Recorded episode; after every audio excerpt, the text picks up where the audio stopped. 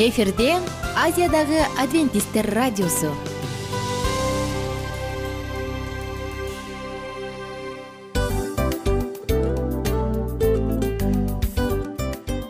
Достор салют. Баардык сүйүктүү угармандарыбызга салам айтабыз. Кутман күнүңүздөр менен. Ден соолук өмүрдүн булагы демекчи саламат саамы программасында баарыңыздарды көргөнүбүзгө абдан кубанычтабыз. Анда алгач амандашып өтөлү арбаңыздар деп. Ден соолугуңуздар кандай элибизде көбүнчө ден соолук кандай дегенде эле жакшы деп жооп беребиз э? ооруп турсак дагы жакшы дейбиз. Анан мен муну айтып ойлойт элем бул абдан сонун сөз депчи анткени бул жакшы деген үмүт да э баары жакшы болот баары сонун. Деп үмүттөнүп атып эле өзүбүздү өзүбүз дарылап коебуз. Анысы кандай? Сиздин дагы ден соолугуңуз жакшы беш деген үмүттөбүз чындыгында ден соолук бул өмүрдүн булагы деп бекеринен айтылган эмес деп ойлойм. Кыргыз элинде анткени эгерде ден соолук жок болсо анда адамдын жашоосунда калган баардык керектүү маңыздуу нерселер өзүнүн баалуулугун жоготуп коет. Ошондуктан ден соолук бул эң керектүү нерсе. Ооба туура айтасың кесиптешим. Чынында ден соолугуң жок бир эки үч күн ооруп калсаң эле э кандай болуп калат? Жашоодо көз каранды болуп каласың көп нерсеге жетишпей каласың көп нерсени кыла албай каласың жада калса эшикке дүкөнгө да чыга албай каласың. Туптуура анан ден соолук болсо демек биз биздин бактыбыз тоодой деп койсок болот. Анда достор саламат саамы рубрикабызды баштайлы. Алдыда өзүңүзгө керектүү болгон сонун кеңештерди уга аласыздар. Мына ошондуктан биз менен бирге болуңуздар. Ал эми биз болсо милан жана айнура. Кеттик алга. Алга саламат саама ден соолуктун жарчысы. Саламат саама ден соолуктун ачкычы. Күн сайын сиз үчүн мыкты кеңештер сонун жаңылыктар кызыктуу фактылар биздин рубрикада.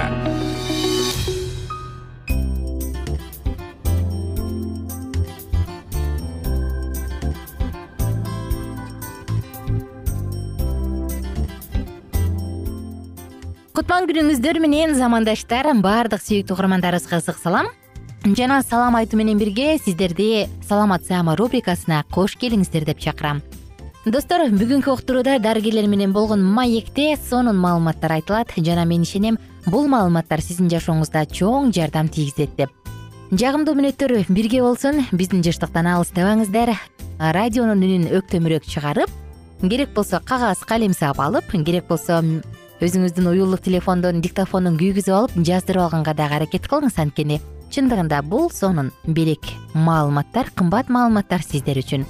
Жагымдуу мүнөттөрдү бирге өткөрөлү менде дагы сизде ушундай сизге карата суроом бар да. Мисалы ковид он тогузда азыр төртүнчү протокол менен дарылап атышат э чоң баягы ооруган адамдарды балдар үчүн атайын протокол даярдалып атат. Ошол дарылоодо мындай жалпак тил менен айтканда окшош дарылап атышабы же балдардыкы айырмаланабы балдарга дагы антибиотиктер сөзсүз берилиши керекпи? Ушул жөнүндө айта кетсеңиз. Азыркы эң акыркы протокол бул төртүнчү протокол. Э, коронавирус боюнча ал протоколдун ичинде эмнелер келет? Бул кандай чоң адамдарды дарылайбыз? Анан жанагы хронический оорулар менен дагы кантип дарылайбыз чоңдорду. Анын арасында дагы балдарды кантип дарылайбыз деген дагы неме пункт бар да.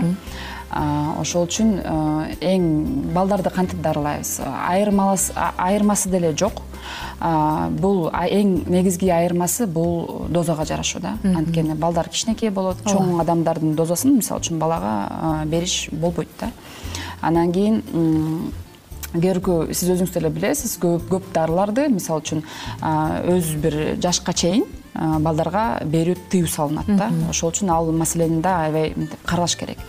Антибиотик боюнча бул баланын абалын карап буну дары дарыгерлер клиникалык симптомго жараша баланын абалына жараша анан кийин антибиотикти бериш керекпи же бербеш керекпи ошол суроо маселени дарыгер чечиш керек да. Мисалы үчүн эң башында жеңил көтөрүп жүрсө же орто көтөрүп жүрсө дагы протокол протоколдун ичинде жазылып турат. Балдарга антибиотикти берүү болбойт депчи. Өтө оор абалда же өтө оор абалда ошондо эле гана балдарга антибиотикти неметет жазып берилет берсе болот ооба бирок сөзсүз түрүндө үй шартында эч кандай ата эне неме баласына такыр өзү билип. же интернеттен мисалы үчүн окуп же дагы кошунасын угуп антип антибиотиктерди берсе болбойт. Сунуштабайсыз анткени айтып кетпедимби ошо ар бир дары баланын салмагына жараша дарыгерлер менен эсептелип анан кийин жазып берилет да ушул антибиотик деп көп айтып калдык. Ошо антибиотикка кээ бир ата энелер бар э баягы бир аз ичип өтүп калса бир аз чучкуруп калса эле дароо антибиотик берип бактерияларды өлтүрөт деп туруп берип коет го. Канчалык деңгээлде зыян канчалык деңгээлде аны бериш керек канчалык деңгээлде аны берүүдөн алыс болуш керек. Антибиотиктер жөнүндө айта кетсеңиз ушул топтогу дарылар жөнүндө. Неме коронавирус бул биринчи вирусный инфекция вирустар бар и бизде инфекциялар бар бактериялар бар да бактерия качан биз ойлойбуз да дарыгерлер бактериальная инфекция болуп атат депчи. Бул бала мисалы үчүн үч күндөн көп дене табы жогору отуз сегиз бештен жогору көтөрүлүп түшпөй. Ошондой болсо бул биз ойлойбуз вирусный инфекцияга бактериальный инфекция кошулду депчи. Ошол кошулгандан кийин биз ошол ошол эле учурда балага антибиотиктерди жазып беребиз. Ага чейин биринчи күн экинчи күн үчүнчү күн биз эч кандай антибиотиктерди жазып бербейбиз да. Анан кийин стартовый деген антибиотиктер бар. Сөзсүз эң алсыздар э слабыйраак слабыйраак именно башкача айтса слабый деп коет да. Ошондон баштап туруп неметип караш керек да. Анан кийин кээ бар бул жардам берген жок буга өттүк анан кийин бир күндөн кийин буга өттүк анан бир күндөн кийин дагы тиги дарыга өттүк. Андай такыр болбойт. Анткени антибиотик анда канча күндө өтүш керек? Антибиотиктин ага дагы убакыт беришибиз керек да. Организмге кирип иштеш керек да алчы андан кийин ага кырк сегиз саат кетиш керек да. Антибиотик эки сутка турбайбы эки сутка. Антибиотиктин эффект бергенин биз эки сутка өткөндөн кийин уже оценка кыла алабыз да болду бул жардам берди эң негизги түрүндө бул дене табы уже түшүп баштайт да. Эки күн өткөндөн кийин э, температурасы антибиотик бергенден кийин эки күн өткөндөн кийин температурасы көтөрүлбөсө то биз э, антибиотикти уже алмаштырабыз. Кичине өйдөрөөк антибиотикти бирок негизинде стартовый антибиотиктен башташ керек да. Бирок ошол эле учурда үйдөн ата эне өзү билип антибиотик берүүнү сиз сунуштабайсыз э? Анткени анын ден соолукка да тийгизе турган зыяндуу жактары бар. Биз бүгүн ошол темабызда да айтпадыкпы э? Кичинекей кезинде ковид он тогуз менен ооруган бала кийин тукумсуз болуп калабы деп. Жакында ушул бүткүл дүйнөлүк саламаттык сактоо уюмунун атайын ошол маалыматын окуп калдым да алар ушундай тыянакка келип атышыптыр. Кийин тукумсуз болуп калышы мүмкүн депчи. Анан буга жетимиш пайыздай окумуштуулар ооба бул чындык биз буга кошулабыз деп атышат да. Ушул жөнүндө сизден сурайынчы жеке оюңуз жана негизи азыр биздеги абал боюнча кандай бизде бизде дарыгерлер эмне деп атышат бул тууралуу? Чын эле бала тукумсуз болуп калабы? Азырынча бул суроого мен сизге так жооп бере албайм. Менин оюм боюнча сизге бул суроого эч ким деле так жооп бере албайт болуш керек. Эмне себеби үчүн? Анткени э, бүткүл э, бүткүл дүйнөлүк саламаттык сактоо уюму отузунчу январда эки миң жыйырманчы жылы жарыялады. А он биринчи мартта эки миң жыйырманчы жылы уже бүткүл дүйнөгө пандемия деп жарыялады да. Анан өзүңүз деле ойлоңуз бир жыл өтө элек бул э, кичинекей балдарды азыр окумуштуулар изилдеп жатат бул суроонучу анткени өзү убакыт өтүш керек да. Бул суроого сизге так бир жыйырма жылдан кийин изилдөөлөр уже жооп так жооп бере алышат. Достор жогоруда айтылгандай эле эң сонун маалыматтар биздин ден соолугубузду коргоо үчүн бүгүнкү күндө бар. Канчалык маалымдар болсоң ошончолук куралданган болот эмессиңби мына ошондуктан бүгүнкү айтылган маалыматтар дагы жашооңузга чоң таасирин берип жардамын берип сизди ар кандай кырсыктан ден соолукту сакташ үчүн жаман нерселерден сактасын оорулардан дарттардан сактасын адамдын биринчи байлыгы ден соолук. Адамга экинчи байлык ак жоолук керек. Бирок ак жоолук ден соолуксуз кызык мына ошондуктан сиздерге кааларыбыз албетте бекем ден соолук. Өзүңүздүн колуңуздагы байлыкты сактаңыз барктаңыз. Жана албетте бул үчүн болгон күрөшүңүздү жумшаңыз. Адам баягы жашоосунда колдон келишинче акча таап алып туруп анан кийин улгайып калган кезде баардык тапканын кайра өзүнүн ден соолугуна жумшагандан көрө мейли аз тапса дагы бирок оорубай жашоонун кубанычын татып жашаганга эмне жетсин ошондуктан ар бириңиздерге кааларым бекем ден соолук. Коштошобуз достор сиздер менен кийинки уктуруулардан кайрадан амандашканча бар болуңуздар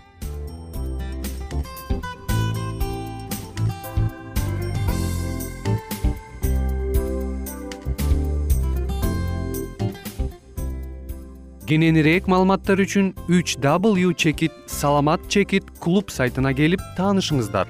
Жана андан тышкары социалдык тармактарда youtube facebook жана instagram баракчаларына катталыңыз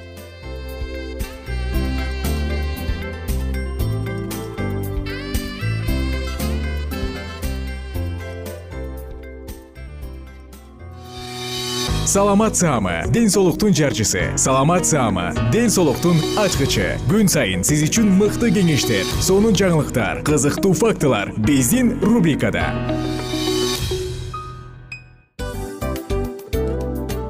Салам достор.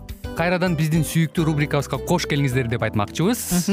Баардык замандаштарыбызга арбаңыздар деп саламыбызды айтабыз. Улуу ушундай бир урматтаган учурашуу менен анан дил маек радио баракчабызга чакырабыз. Негизи дил маек биздин рубрикабызда эмне жөнүндө кеп кылабыз? Бул дил маектин мааниси эмнеде? Рубрикабыз менен кичине тааныштырып кетсеңиз. Сөзсүз түрдө тааныштыра кетейин кесиптешим суранычы боюнча бул учурда бул радио баракчада биз ар тарап кесип ээлеринен сонун кеңештерди алабыз сүйлөшөбүз сырдашабыз аталарыбыздын эжелерибиздин апаларыбыздын кеңештерин угабыз. Айтор жан дүйнөгө адамдын э, сапатына адамдын деги эле адам болуп жашашына керектүү баардык кеңештер алдыда.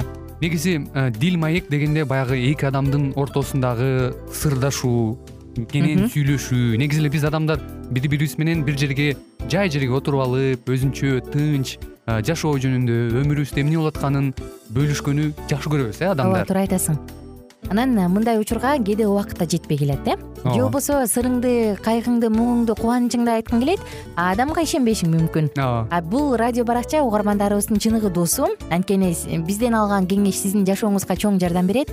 Ал эми сиздин бизге айта турган сөзүңүз ортодо гана сыр бойдон калат. Ошондуктан биздин дил маек рубрикабызга дагы бир жолу кош келиңиздер. Жана биз даярдаган маалыматтарга даяр болуңуздар. Айнура жана милан сиздер менен бирге алдыга кеттик ар түрдүү ардактуу кесип ээлеринен алтын сөздөр жүрөк ачышкан сыр чачышкан сонун маек дил маек рубрикасында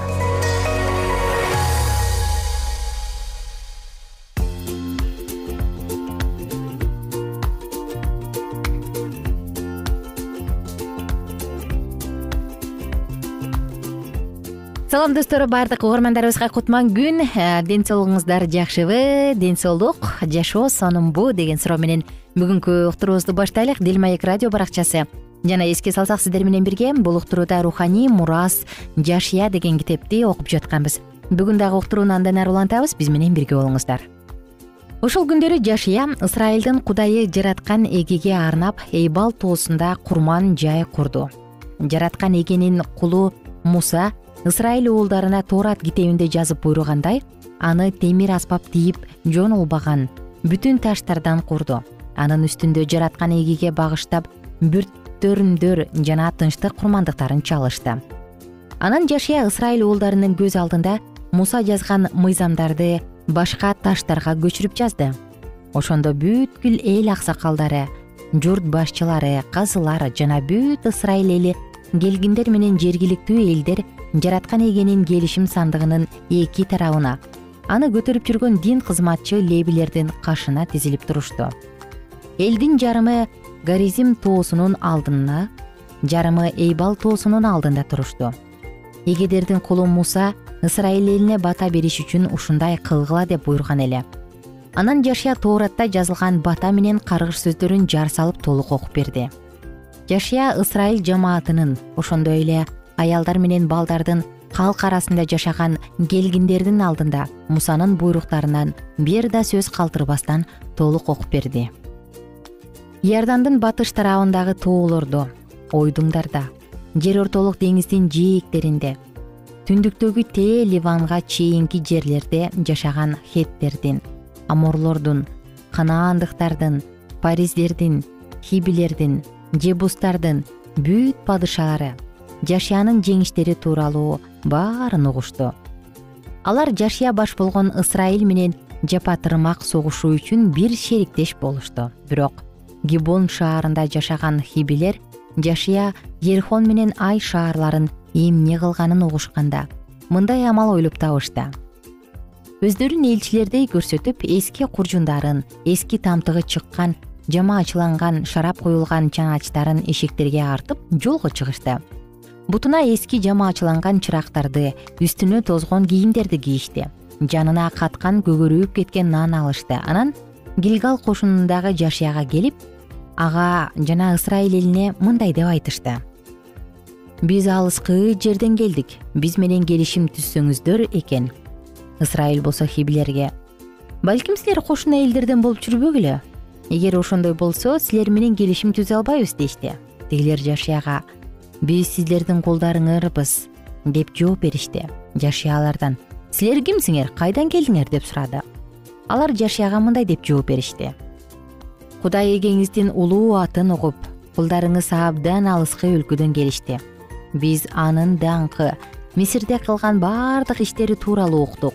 Иордандын чыгыш тарабындагы аморлордун эки падышасын хешбон падышасы сихон менен ашптарутта туруп бийлик жүргүзгөн башан падышасы окту кылганын да уктук. Ошондуктан аксакалдарыбыз менен жерибиздин тургундары бизге. Жолго азык камдагыла да алардын алдына барып биз сиздердин кулдарыңарбыз биз менен келишим түзсөңүздөр экен деп сурангыла дешти мынакей бул наныбыз жолго чыккан күнү ысык болчу. Азыр болсо катып көгөрүп калды ал эми бул чаначтарыбыз шарап толтуруп куйган күнү жаңы болчу. Карагылачы эми алардын тамтыгы чыгып калды. Үстүбүздөгү кийимдерибиз бутубуздагы чарыктарыбыз да узак сапарда жыртылып бүттү. Ысрайылдар алардын жол азыктарынан жеп көрүштү. Бирок жараткан эгенин оюн сурашкан жок. Анан жашыя гибондуктар менен тынчтык келишимин түзүп алардын өмүрүнө кепилдик берди. Журт башчылары болсо убаданы ант менен бекитишти келишим түзгөндөн үч күндөн кийин ысрайылдар алардын жакын эле жерде жашаган кошуна элден экенин угушту ошентип. Ысрайыл уулдары жолго чыгып үчүнчү күнү гибондуктардын гибон кепира бейрот жана кирпириат жиарим деген калааларына жетип келишти. Бирок ысрайыл уулдары аларга кол салган жок анткени жамаат башчылары ысрайылдын кудайы жараткан эгенин ысымы менен ант берип коюшкан эле. Бүт эл өз башчыларына нааразы болду ошондо журт башчылары бүт жамаатка. Биз ысрайылдын кудайы жараткан эгенин ысымын оозанып аларга ант берип койгонбуз. Ошондуктан аларга эми кол тийгизе албайбыз деп айтышты. Эми мындай кылалы. Биз аларга ант берип койгондуктан антты бузуп кудайдын каарына калбаш үчүн аларды тирүү калтылары. Эл башчылары сөзүн улап алар жашай беришсин бирок бүт жамаат үчүн отун жарып суу ташый турган болушсун деди ошентип эл башчылары айткандай болду. Жашия гибондуктарды чакырып алып жакын эле жерде жашап туруп эмне үчүн абдан алыскы өлкөдө жашайбыз деп бизди алдадыңар деп сурады. Эми силер каргышка калдыңар. Мындан ары биздин кулубуз болуп кудайыбыздын үйүнө отун жарып суу ташыйсыңар. Алар жашаяга мындай деп жооп беришти сиздин кудайыңыз жараткан эге өз кулу мусага ушул жерлерди бүт ысрайылдыктарга берип элим болсо жер бетинен толук кырып салууну буйруганын уктук. Ошондуктан өз жаныбызды ойлоп сиздерден корккондуктан ушундай ишке бардык. Эми биз сиздин колуңуздабыз. Кандай кылган жакшы туура болот деп эсептесеңиз ошондой кылыңыз. Ошентип жашыя ысрайылдардын гибондуктарды өлтүрүп салышына жол берген жок. Ошол күнү жашыя аларды өз элине жараткан эге тандап алган жерге курула турган курман жайга отун жаргыч суу ташыгыч кылып койду. Алар бүгүнкү күнгө чейин ошол ишти аткарып келишет. Иерусалим падышасы адони седек жашыя ай шаарын басып алып аны садага чаап салыптыр ерихон шаарын анын падышасына эмне кылса ай шаарын да анын падышасына да ошондой кылыптыр гибондо жашаган эл болсо ысрайыл менен тынчтык келишимин түзүп алардын арасында жашап калыптыр деген каңшаар кепти укканда жаны оозуна кептелди. Достор дал ушул жерден уктуруубузду токтотуп биз кийинки уктурууда сиздер менен кайра темабызды улантабыз. Биз менен бирге болуңуздар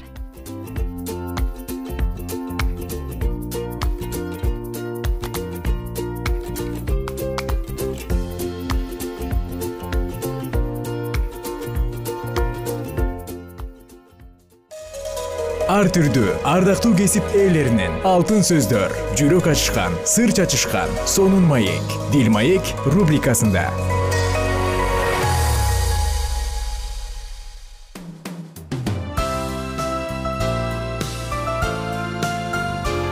Эфирде азиядагы адвентисттер радиосу.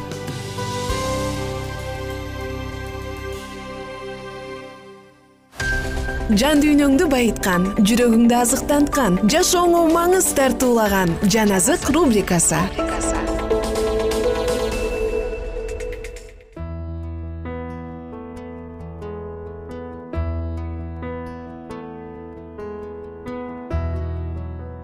Салют достор сүйүктүү угармандарыбыздын баардыгына ысык салам. Жана сиздер менен кайрадан жагымдуу саатыбыз жан азык радио баракчасындабыз.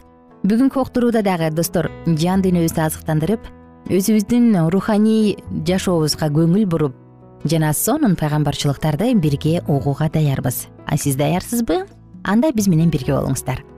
Эске салсам ушул уктурууларда достор биз аян китебиндеги айтылган пайгамбарчылыктар өзгөчө маалыматтар жана дүйнөнүн акыры тууралуу кабардар болуп жатканбыз. Мурунку уктурууда дагы биз америка кошмо штаттарынын тарыхы жөнүндө бир аз сөз кылганбыз. Бүгүнкү уктурууда андан ары улантабыз. Жыйырма төртүнчү бөлүк аян китебиндеги америка кошмо штаттары тууралуу айтылган сонун пайгамбарчылыктар.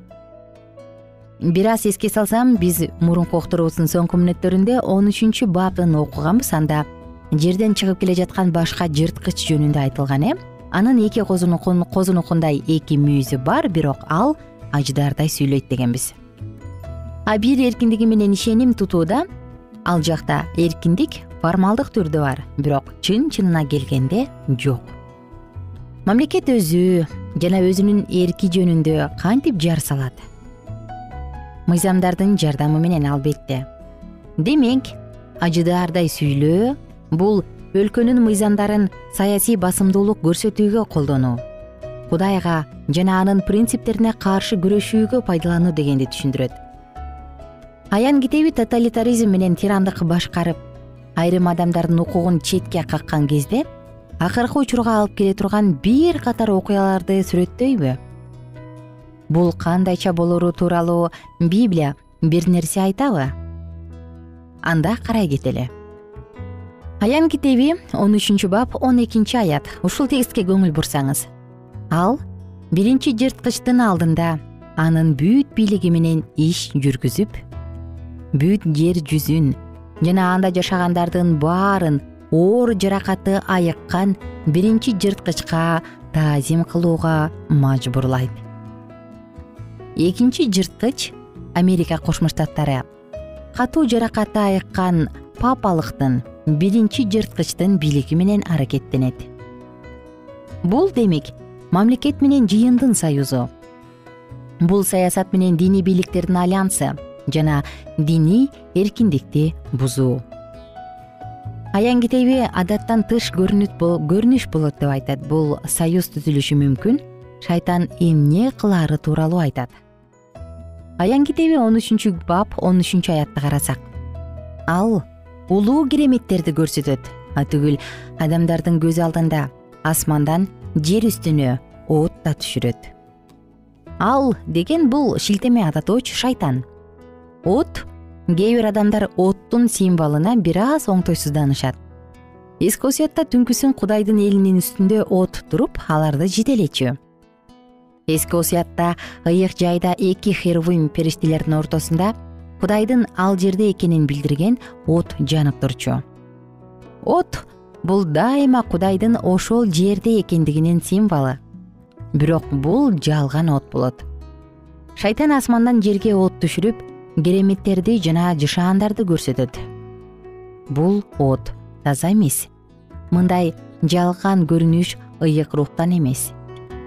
Бул кыймыл баардык диндерди бириктирип керемет жышаандарга жана жалган рухка негизделген диний указдарды кабыл алганга жардам бериш үчүн мыйзам чыгаруучуларды тартууга багытталган ал ошол кереметтери менен жер үстүндө жашагандарды азгырып бул жерде ал жер үстүндө жашагандарды алдайт деп жазылып жатат. Шайтан муну кандайча кылат тилекке каршы заманбап америкада абдан көп социалдык көйгөйлөр бар. Баңгизаттарды колдонуу жана алкоголдук ичимдиктер көптөгөн жаш адамдардын жашоосун талкалап жатат. Нравасыз сексуалдык жүрүм турум дагы кеңири таркалган. Улуттук карыз дайыма өсүп жатат экономикалык абал да туруксуз табигый кырсыктар тез тез болуп турат. Ураган торнадо өрт сел жана жер титирөөлөр көптөгөн шаарларды талкалап оор жоготууга учуратты. Эгерде абал дагы начарласа шайтан кризисти жеңиш үчүн деп өзүнүн кереметтерине негиздеп оңой эле жалган диний ойготуу жасай алат. Адамдар жакшы сезилген ниеттери менен диний мыйзамдарды кабыл алып жана ал эмнеге алып келерин көрдүңүздөрбү? Аларга кылычтан жаракат алып бирок тирүү калган жырткычтын айкелин жасагыла деп айтат.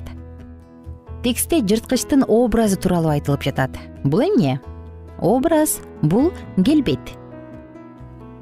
Библия экинчи жырткыч америка. Биринчи жырткыч папалыкка окшоштуруп келбет түзөт деп айтып жатат башкача айтканда саясий диний союз пайда болот.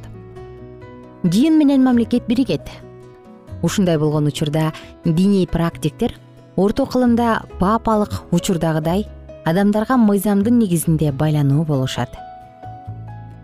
Аян китебинин он сегизинчи бабында бул окуя деталдуу сүрөттөлөт жыйын менен мамлекеттин союзу бекитилген учурдагы окуялардын тизмеси жакшы ниет менен жетектелген диний лидерлерди эмнелер тартаары алдыда? Шайтан эмне кылат?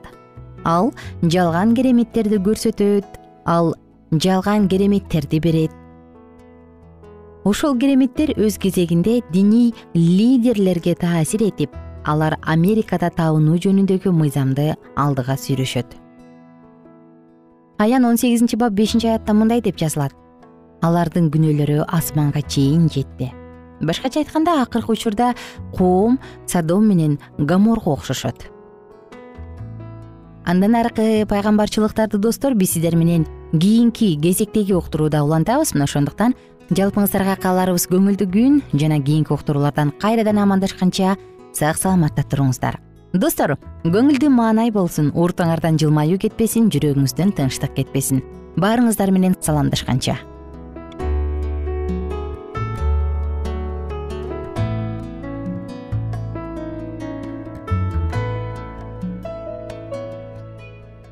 эгер сиздерде суроолор болсо же көбүрөөк маалымат билем десеңиз анда биздин whatsapp номерибизге жазыңыз.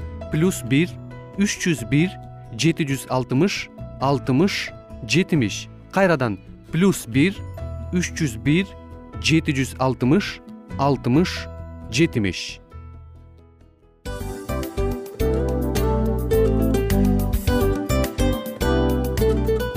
мына ушинтип убакыт дагы тез өтүп кетет экен. Биз дагы радио уктуруубуздун аягына келип жеттик келип кубандырдыңар эми кетип кубандыргыла деп тамашалап калышат эмеспи анысы кандай? Радио баракчабызды программабызды азыр эле баштап аткандай болдук элек. Мына соңуна келдик э?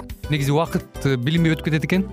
Мен дагы э, убакыт дегенде бүгүн бир адам менен сүйлөшүп калдым. Анан убакыт бул мүмкүнчүлүк деп айтып өзүмө өзүм айтып алып анан мага өзүмө эле кайра ачылыш болду да чын эле э Э, карап отурсаң ошол эле жыйырма төрт саат ошол эле жарым саат кайталанып атат бирок сендеги мүмкүнчүлүк жок ошол кой берилип кетти? Анысы кандай? Бүгүнкү сонун убактыңызды алтындай болгон жарым саатыңызды бизге бөлүп арнаганыңыз үчүн ыраазычылык айтабыз. Анан жашооңуздун кайсы бир сферасын өзгөртө турган сонун пайдалуу кеңеш алган болсоңуз анда биз максатыбызга жеттик. Анан ушул нерсени кылбасам десеңиз ошол өзгөрүүлөрдү кичинекей кадамдардан баштап иш жүзүнө ашырыңыз дагы жашооңузда чоң чоң ийгиликтерге жетиңиздер чын жүрөктөн ар бир берилген кеңештер сөздөр сиздерге пайдасын алып келет деп ишенебиз. Жана кийинки уктурууларда сөзсүз түрдө чыдамсыздык менен сиздерди күтөбүз.